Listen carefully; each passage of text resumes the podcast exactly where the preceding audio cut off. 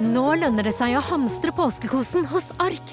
Ark inviterer nemlig til påskefest med skremmende bra nyheter, pocket fra 99 og 40% på alle spill og puslespill. Ark-påske betyr rett og slett mye påske for pengene. Så fyll opp med påskens favoritter i nærmeste Ark-butikk eller på ark.no. Hei dere, velkommen til Biohacking Girls podcast. Vi leder showet, og jeg er Alette. Og jeg er Monica. Vi er gode venner og kolleger, og vi legger sammen våre erfaringer og kunnskap for å inspirere deg til å bli din egen biohacker og optimalisere livet ditt. Vi følger med på ny forskning og trender, og stiller de spørsmålene vi mener er nødvendige.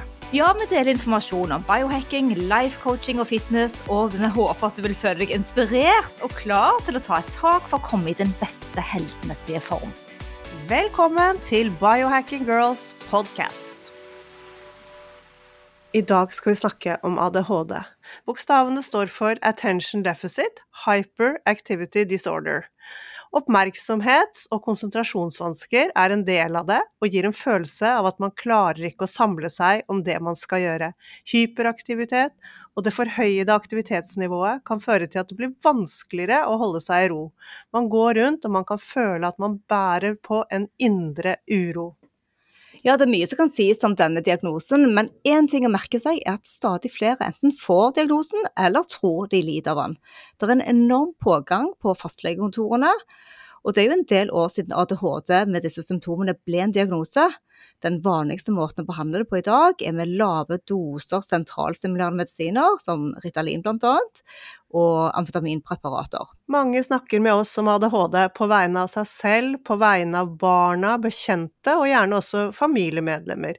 Vi ønsket å se på alternative metoder for å gi mer kunnskap for folk som enten tror de har ADHD eller har fått diagnosen. Hva gjør man når man er en biohacker? Hva gjør man dersom man ikke ønsker medisiner? Og ikke minst, hvilke veier for alternativ behandling kan man søke? Ja, i dag skal vi møte nevrokiropraktor Kasper Andresen, som holder til på Skøyen i Oslo. og Han er utdannet av den verdenskjente professoren i nevrologi, nemlig Ted Carricks på Harvard University. Han har lang fartids, han er en godt voksen mann og tenker helt annerledes, og tror ikke at nødvendigvis medisiner er veien. Velkommen til Biohiking Girls podcast. Da er vi så heldige å sitte på KA-klinikken på Skøyen med nevrokiropraktor Kasper Andresen, og vi skal snakke om ADHD i dag. Takk for at jeg får lov til å komme. Jeg eh, har drevet med ADHD og de tilstøtende diagnoser i over 35 år. Og vi har gode resultater, vi må innrømme det. Hvorfor jeg er spesielt interessert, det er jo fordi at jeg har vært medlem av den gruppen som ung. Jeg var dyslektiker. Jeg hadde ADHD, men det visste jo ingen på den tiden hva var. Og jeg vet hva de som har det, må gjennomgå for å prøve å komme inn i vanlig livet. Derfor så brenner jeg for den saken. Veldig men først og fremst så må vi nesten få en definisjon på dette med ADHD. Hva er det for noe egentlig? Og kan ikke du fortelle litt hvordan du opplevde det da du var liten? Jeg øh, hadde ingen forståelse.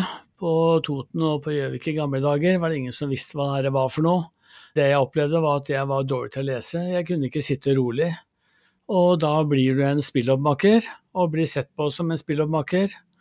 Eh, og var veldig dårlig eh, på skolen. Eh, det er noen onde tunger som sier jeg har kanskje tatt den dårligste artssummen som er tatt på Gjøvik, men det kan man diskutere. Men eh, jeg klarte å komme meg gjennom skoleverket fordi at jeg lærte meg til å fotografere ting. Så jeg skrev ordrett ned ting, og noen ganger så ble jeg tatt i juks fordi at det var umulig, for jeg kunne ikke lese eller skrive ordentlig. Eh, så jeg har hatt en tøff reise på det. Og det er derfor jeg gjenkjenner så mange av de unge som kommer til meg, for de har ingen forståelse i det samfunnet vi er nå. For har du fått diagnosen ADHD, så får du en iPad, og så får du medisiner, og så er du liksom klar deg sjøl. Og det er en tøff start på livet. Så jeg, jeg vokste opp i Gjøvik, og Jeg ble jo sendt til alle som ville lære meg noe ekstra, for jeg kunne ikke lære på en vanlig måte. Eh, og lærerne de var helt fortvilet. I dag så vet vi hvordan det virker, og øh, nå har jeg fått lov til å utdanne meg til å bli kiropraktor. Jeg har fått lov til å utdanne meg til å bli nevrokiropraktor. Så jeg har studert funksjonell nevrologi under professor Ted Carrick på Harvard University i 33 år. Jeg skal fremdeles eh, studere under han. Skal til og med bort og dissekere hjerner nå i sommerferien, så jeg er aktiv enda. Stortrives med det, og jeg syns det er utrolig spennende å se hvordan hjernen rett og slett kan forandres, for den er det vi kaller for plastisk. Så hvis du har en sånn diagnose, så vil ikke det si at du skal ha den diagnosen resten av livet. Det er faktisk feil. Og dette må vi komme mer inn på, men ser du i din praksis i alle de årene du har praktisert at det er en endring? Kommer det flere til som enten tror de har ADHD, eller som har? Ja, vi, vi har en stor tilgang på det. Eh, og jeg har gjort en undersøkelse som jeg viste dere, som jeg holdt på foredraget. Det var den største ADHD-konferansen som hadde vært i Skandinavia, eller kanskje Norden. Den var på Folkets hus 2004, og der vant jeg en pris for det beste foredraget. Og eh, alle de som satt der, var representanter fra legevesenet, fra Nav, fra skolevesenet, alle sammen. Jeg fikk faktisk stående applaus, det husker jeg. Jeg har ikke fått én pasient fra den gruppen etterpå. Så det er klart, å være ADHD-pasient i eh, Norge, i hvert fall det jeg kjenner mest til, det er ikke lett. For det er forskjellige grupper. Eh, legemiddelfirmaene de vil selvfølgelig ikke gi fra seg en sånn strålende inntekt som de har på Ritalin, Concerta, eh, alle disse her pillene der. Så det er mye lettere å gi pasientene en sånn ting, og så bare håpe at det går bra.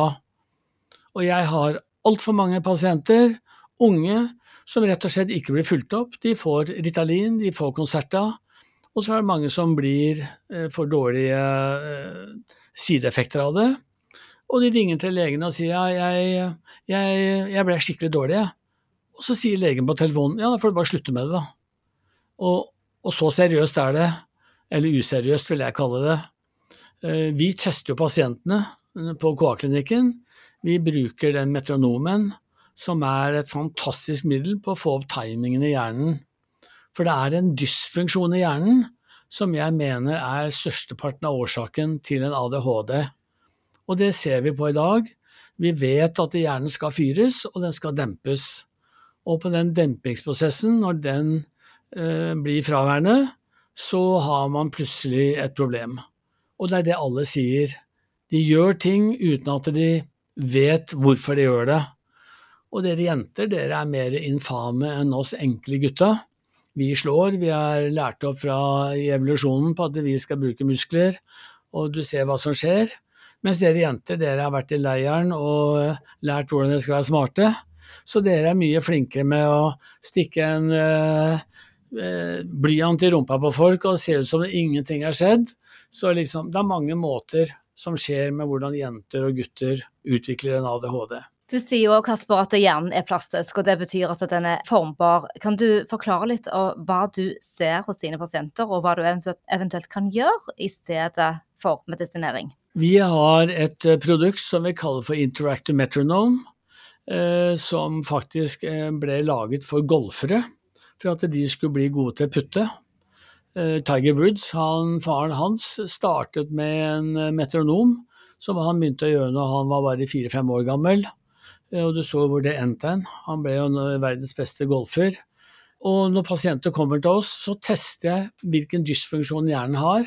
Så begynner vi å få opp den dempingsprosessen. Og så begynner de på da eh, metronom. Og det kan være et sted mellom 15 og 20 ganger. Og det er en repetisjon. Du står altså i en halvtime og gjør motoriske øvelser, som da gjennom kodetelefoner forteller deg om du er for rask eller for sakte i systemet. For det vet man ikke før du tester. Dette er kjempeinteressant, men jeg er òg veldig nysgjerrig på å høre hvordan du finner ut hvem som eventuelt har denne dysfunksjonen da i hjernen. Du bruker hjernen, du bruker øyne, du bruker testing, kroppslige tester. Kan du forklare litt om den prosessen der? Eh, den er, funksjonell nevrologi er en fantastisk spennende gren av helsevesenet og av eh, den nevrologiske medisinen. Og det er klart, når vi tester en pasient, så tester jeg den øvre delen av hjernen, jeg tester lillehjernen, jeg tester hvordan hjernestammen fungerer, og så ser vi gjennom tester hvordan pasientene responderer. Og, og de er ganske like i responsen, og, og selvfølgelig noen er dårligere stilt enn andre. Og de kommer ofte med foreldre som er helt fortvilet. Og, og de har mistet én ting, det er jo at eh, blodsukkeret, status med hvordan man spiser, er utrolig viktig. Og når man ser hvordan ting fungerer, og, og folk får disse lette karbonene, karboene, så klarer man seg, og folk er for dårlige til å spise frokost, og sørge for at du skal ha den der tyngden når du går inn, for hjernen trenger det. Halv elleve-ellevetiden, da sier den gjerne at nå må jeg ha noe annet. Eh, og vi har vært altfor dårlige på skolevesenet i Norge på å sørge for at ungene får den riktige maten. Eh, de skulle selvfølgelig ha planteenzymer og proteiner og ting som gjør at det holder lenger. Men blodsukker er veldig ofte en ting som kan starte en, en ADHD. Og det er det de sier når de blir sultne. Så blir det Jeg blir gæren når jeg blir sulten, liksom. Og, og, det er selvfølgelig det som skjer. Så jeg er veldig opptatt av å lære mennesker at de må også ha riktig næring uh, på den veien. Men det er en, uh, det er en annen greie. Så Litt tilbake til det du sa med at uh, jenter og gutter de har jo gjerne ulike symptomer på ADHD utad. Det syns jeg alltid er så interessant. Jeg husker det fra barna i klassen, at det var jentene de var gjerne litt sånn roligere, mens guttene var de utagerende. Hva er vanlige symptomer på ADHD?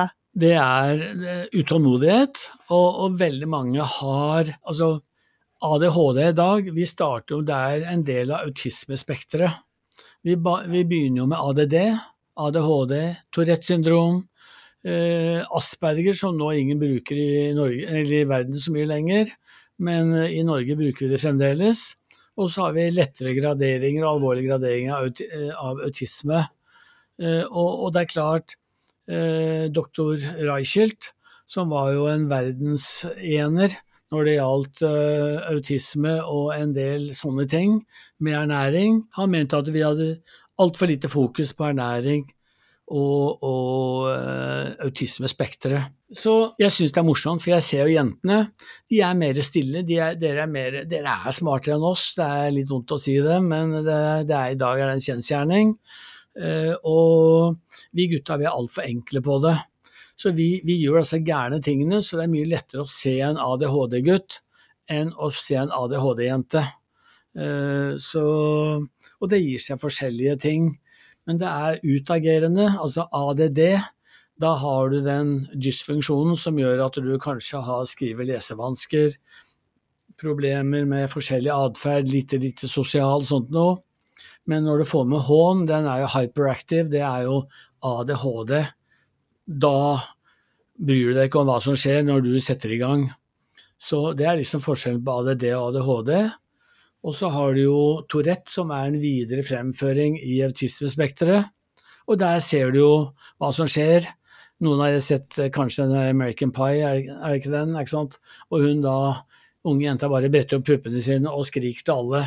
Og, liksom, og så tar hun ned kjolen, og så skjønner de ikke hvorfor folk ser rart på henne. For hun hadde ikke gjort noe gærent. Men der ser du hvordan hjernen virker, fordi dempingsprosessen da plutselig forsvinner. Og da sier det bare pang. Hvordan er det å leve med ADHD? Hvordan har man det i hodet sitt? Det er et utrolig godt spørsmål. Det er så tøft. Og veldig mange de går på sterkere medisiner. Veldig mange de kommer ut på skråstreken. Og når jeg holdt det foredraget og den undersøkelsen vi gjorde på 137 eh, pasienter, så var jo De sa jo at en tredjedel av alle innsatte i norske ungdomsfengsler de hadde diagnosen ADHD. Og, og, hva det koster samfunnet vårt. Og vi kan begynne i skoleverket, men de er ikke interessert. Nå er det liksom uh, nå er det lærere som sier at, at elever har ADHD, og så tar fastlegen og, og setter opp uh, medisinering. Jeg syns det er meget useriøst, men det er faktum i veldig mange deler av systemet. Så det er et stort samfunnsproblem. Koster det norske samfunnet, jeg vil påstå, milliarder av kroner. Og, og det blir gjort svært lite. Og dette er veldig eh, trist å høre at det er 800% økning til psykologer fra fastleger, fra unge som da enten tror de har ADHD, eller noen har fortalt at de har ADHD. Så det er jo et økende problem. Men hva skyldes denne diagnosen, Kasper? Jeg tror det er flere ting. Det er aspekter med ernæring. Det er aspekter med genetikk. Det er aspekter med sosialt, hva som skjer i familie. Altså, du har noen som da plutselig er sistemann i rekka og, og, fungerer dårlig. Men, eh, og noen får en vanskelig fødsel. Altså det, det er så, det, jeg tror det er, Hvis jeg hadde sagt 50 forskjellige årsaker, så kan du linke mange av dem inn mot ADHD. Men det er klart, når vi ser foreldre som kommer inn, og når vi begynner å fortelle hva de gjør for noe, Eh, så, så blir de ganske rare. Fordi at det er små ting som de kan gjøre, som vil gjøre at hverdagen blir bra for både foreldre og barn. Og ikke minst skoleverket. Jeg mener ADHD-barn ødelegger utrolig mye for klassen, uten at de vil det. Eh, og jeg husker sjøl, jeg var en spilloppmaker, eh, og jeg måtte alltid på do for at jeg måtte ut og løpe en tur. Så jeg løp rundt skolen uten at det er ingen som visste om det, jeg turte ikke å si det til noen. Men da fikk jeg liksom roet meg ned, eh, og i dag så hører jeg mange har det. Og, og når du hører på skoleverket som i dag har egne lærere som følger disse vanskelige pasientene, og så kunne det vært gjort på en helt annen måte. Men det er ikke alle som liker måten vi gjør det på, og det godtar jeg. Jeg har ikke noe med at vi er de eneste som kan det, for det er mange flinke med det. Det er psykologer, psykiatere som er flinke med det. Men jeg mener at hvis du ikke er med å korrigere den dysfunksjonen som er i hjernen, så eh, kommer du aldri i mål. Det mener jeg. Ja, ikke sant. Sånn at det er jo noe med det å ikke bare døyve et problem, men faktisk gjøre noe med årsaken. Og det er jo det du er så ja, lidenskapelig opptatt av. Men dette med den enorme økningen som har vært i siste, uh, ser du at det har en sammenheng med skjermbruk og mye alenetid også? At det kan ha utviklet dette her? Det er igjen et veldig godt spørsmål. Jeg er ikke i tvil uh, om at det har med det å gjøre. Eh, vi fikk lov til å være ute, vi lekte ute i gata til vi ble ropt inn. I dag så sitter man på gutterommet eller pikerommet sitt og gamer og bruker fingertuppene. Det er ikke motorisk. Eh, og da begynner vi rett og slett å behandle hjernen vår dårligere og dårligere, og da kommer lillehjernen vår inn. Eh, og skjermbruk Jeg sier til alle som kommer til meg med at de kanskje har en ADD, ADHD eller noe sånt noe, så sier jeg, vet du hva, halvannen time før, før, man skal legge seg, så er det rett og slett forbudt å ha både mobil og skjermbruk. Uh, og skjermbruk, eller det skal ikke være på soverommet. Uh, og i dag så skal foreldre være så game, da, så de har lagd TV på rommet til disse små. Og de, de, ligger jo med den der mobilen under hodeputa. Hjernen får jo aldri fred til å vaske seg, til å roe seg ned og regenerere. Og nå er jo reaksjonen kommet, vi ser avisen foreldre begynner å si fra. Ære være de foreldre som tør å si fra, for de har en massiv kamp å jobbe. Men jeg mener at vi er nødt til å ta den kampen nå, ellers så går det gærent. Og, og vi, vi, kan ikke skylde på ungene. Det er jo vi voksne som har lagd dette samfunnet her. Vi kan ikke skylde på 13-14-åringer. De har ikke vært med å lage Norge sånn som det er i dag. Så jeg syns det er sånn litt patetisk over liksom De skal være med å bestemme. De veit jo knapt hvorfor de står opp om morgenen. Så jeg, er, eh, jeg, jeg syns det er veldig trist å se måten skjermbruk alt blir brukt på. Hva tenker du i forhold til den epidemien vi har vært igjennom, og ja, kyssesyke, eh, andre viruser som har liksom fått uh, utspring etter at de har blomstret opp i kjølvannet av, uh, av, covid, og folk som lider av fatigue. Er det noen sammenheng her? Det, jeg kunne insinuert at det er det, for vi har sett en veldig økning. Så liksom, det er litt lett enda å bare si at det er det som gjør det, men vi har sett en økning. Det vi har sett, er jo at de får mer fysiske og nevrologiske eh, problemer. Eh, og det kan være fordi at eh, Kanskje covid har vært med på å lage en, en betennelseskoeffisient som sitter i kroppen vår, som påvirker hjernen vår. Men jeg syns det er litt tidlig å bare si sånn er det. Det kunne vært en kunne vært morsomt hvis jeg var så fremsynt, men det er jeg ikke. Men det er helt klart vi har en større økning nå med unge etter covid og etter vaksinene. Eh, men å liksom gå ut og si at eh, det er en sammenheng der, det, det kan ikke jeg stå for. Og litt tilbake til disse, disse tilfellene med ADHD. Hva gjør det med selvfølelsen til alle disse barna, eller voksne også, å, å, gå rundt med en sånn lidelse og ikke bli tatt på alvor og ikke bli hørt, bare få piller hos legen sin? Ser du noen skader der? Absolutt. Jeg, jeg syns de blir tatt altfor lite vare på, og de blir, de blir ikke fulgt opp. Eh, og, og, foreldre har jo så dårlig tid i dag og liksom, eh, når jeg sier at du må komme 15-20 ganger, så skal du få se at det blir resultater, de, de himler med øynene. Hvordan skal det gå med deres sosiale liv da, liksom? Eh, foreldrene er så stressa. Og hvis det er noen som tror at det ikke påvirker barna våre, eh, så, så, tar de feil. Så hadde vi hatt litt mer tid og bare sagt nå gjør vi det, så tror jeg vi hadde fått mange unge For selvbildet blir borte. Det er klart, når du setter deg ned, eh, du kjenner at hodet ditt ikke virker, du har lyst til å gjøre helt andre ting, du klarer ikke å ta imot beskjeder hjemme. Det er jo det første vi hører med ADHD-barna våre når de har vært hos oss en stund. Nå tar de imot en beskjed, er ikke sant? Og det er der metronomen er. For den, den, er med å trene opp til å planlegge, organisere og bearbeide informasjon på en helt annen måte. Da. Så det er en genistrek på sånt noe. Dette med hormoner, eh, veldig mange dopamindrevne. De trenger action og de trenger å finne på rare ting. Og så har du også toksin, som er det kosehormonet. Har det noen sammenhenger med hensyn til diagnosen eh, hormonelt sett? Absolutt. Hormoner, altså hormoner spiller jo en stor rolle, kanskje større enn det vi tror. Eh, men i, i, det feltet jeg driver, eh, altså med funksjonell nevrologi, så er det når vi tester hjernen så er det for å se hvilken del av hjernen som rett og slett spør om å få en, eh, få en stimuli, og, og, få opp den dysfunksjonen.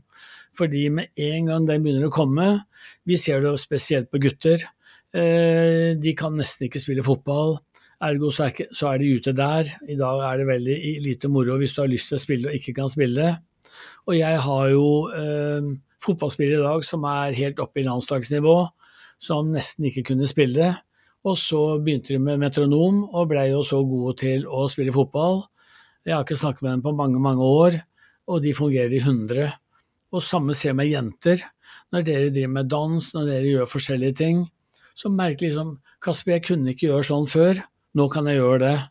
Og når jeg forklarer hvordan hjernen virker, så du, du ser de smiler, for de syns det er veldig moro å kunne det. Ikke minst fordi at liksom vi trer jo kunnskap ned i, i hodet på disse unge. og liksom, Sånn er det. Mens de unge spør meg veldig mye eh, gode spørsmål. Og ofte så kommer de inn alene, og jeg har 100 taushetsplikt. Og når de opplever det, så får jeg høre ting som jeg er ikke sikker på foreldrene har vært så stolte over å høre. Men når jeg sier vet du hva, nå tar vi og løser det, og så plutselig kommer foreldrene og sier du verden, han er helt sånn, han er helt sånn, hva som har skjedd? Så sier jeg hva som har skjedd. Og, og da syns de unge at det er veldig moro. Og da kommer selvbildet. Veldig, veldig bra. Så utrolig kult. Men da vil jeg jo tro at dette med trening og fysisk aktivitet også er en veldig god stimuli hvis du lider av ADHD. Ser du det også, at det kan hjelpe å være fysisk aktiv? Jeg mener absolutt, og der ser jeg igjen skoleverket og myndighetene som da nedprioriterer svømmehaller, eh, nedprioriterer eh, Eh, frivillig fotballen, frivillig idretten i det hele tatt, som jeg syns Idrettsforbundet også har vært Nå har det kommet en forandring, da, håper jeg. Men det er klart, motorisk utvikling er superviktig. Bare å få barn i tidlig alder til krabbe påvirker jo lillehjernen din, påvirker storhjernen din, påvirker den motoriske delen av hjernen din. Så alle sånne ting. Og, og du ser jo du, du ser foreldre å, vi er så stolte, han begynte å gå åtte måneder gammel. Uh, og når han er fem år, så vet han ikke hvordan han skal åpne døra. Fordi han har ikke, han har ikke fått med seg den delen av uh, utviklingen. Så motorisk. Sport, idrett, være ute og la ungene klatre opp. altså Når du begynner å skal ha unger inn, tvangskjøre dem inn på skoleverket seks år gamle, i stedet for at de henger og dingler i ei grein, da, da veit vi hva vi får om noen år. La oss gå tilbake til den undersøkelsen som du gjorde i 2004. Kan ikke du forklare de fire delene i hjernen, hvordan de virker, og hva du fant uh, da du hadde denne undersøkelsesgruppen med unge med ADHD? Jeg hadde 200 og noen og 40 eh, pasienter. Jeg var sammen med en ja, jeg, Da hadde jeg en klinikk på Storo, og jeg var sammen med en fysioterapeut. Eh, eh, og hun hjalp meg veldig, for det er hun som driver metronomen. Jeg gjør ikke den, jeg har en, en medhjelper til å gjøre den. Eh, og eh, vi hadde ja, 200, ca. 240, og vi endte opp med, når vi hadde silt ut hva som ikke fungerte, så var vi nede på 130. Og vi har altså litt over 70% bra eller bedre, som professor Carrick sa er en utrolig bra eh, prosentdel. Bra eller bedre. Så jeg har nesten ikke hatt noen som ikke er blitt bedre, eh, men selvfølgelig kan det hende. Og vi sier ikke slutt med medisin når de kommer til oss, for det er de unge som plutselig sier vet du hva, nå, nå blir jeg litt dårlig av å bruke medisinen, for da begynner hjernen å jobbe annerledes. For hjernen er plastisk, og det er klart når hjernen jobber annerledes, eh, dempingsprosessen begynner å virke. Hvis du da tar eh, Ritalin og konsert av disse greiene her, da blir du dårlig. For det er ikke for oss å ta sånt nå. Så jeg skulle egentlig ha, ha, offentliggjort den undersøkelsen, for det er en morsom undersøkelse. Og så vidt meg bekjent så er jeg ikke sikker på om det er noen som har en større undersøkelse så konkret, som gikk både på forskjellige nevrologiske testinger. Så jeg er rimelig, jeg er rimelig stolt av den. Vi har jo storhjernen vår som vi kaller for cerebrum, vi har lillehjernen som vi kaller for cerebellum, og så har vi de forskjellige delene ut og, og, det er klart, vi tester motorisk, vi tester sensorisk. Vi tester øynene, som vi kaller for den optokinetiske gangveien. Og det er klart, hvis du da har en dysfunksjon, og du rett og slett ikke klarer å fokusere, kan tenke deg hvordan det er å, å lese.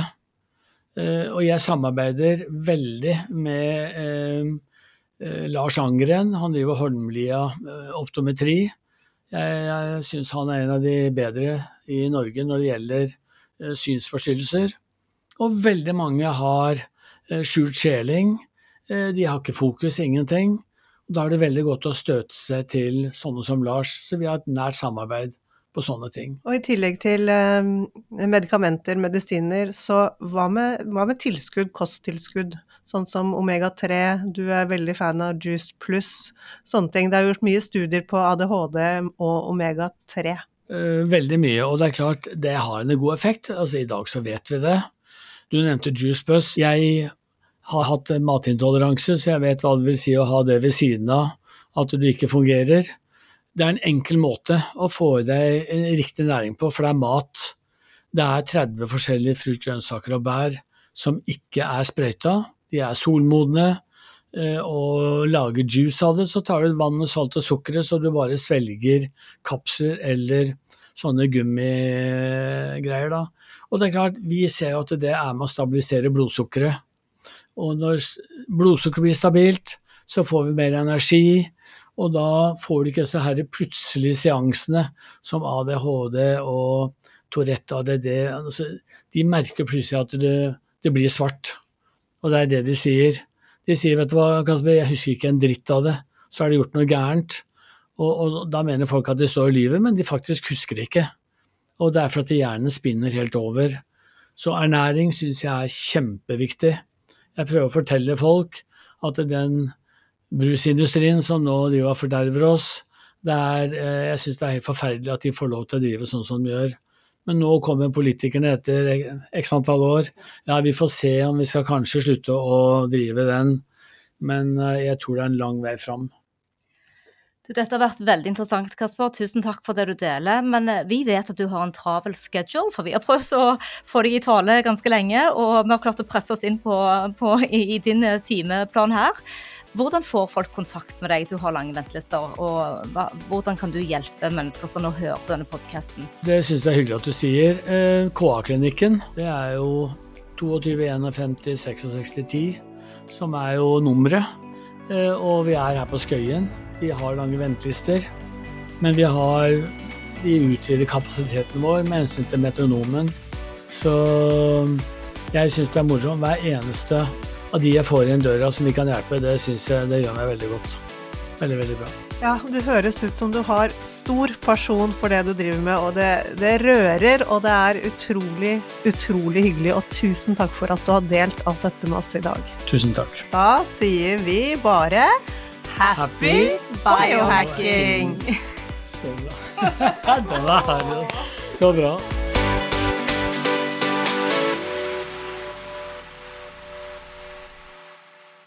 Vi minner om at dere må snakke med egen lege eller kostholdsveileder om dietter og andre spørsmål relatert til medisiner og supplementer. Informasjon vi deler, kan ikke bli brukt til å diagnostisere, behandle, forebygge eller kurere noen sykdommer eller tilstander. Har du et enkeltpersonforetak eller en liten bedrift? Da er du sikkert lei av å høre meg snakke om hvor enkelt det er med kvitteringer og bilag i fiken, så vi eh, gir oss her, vi. Fordi vi liker enkelt. Fiken superenkelt regnskap.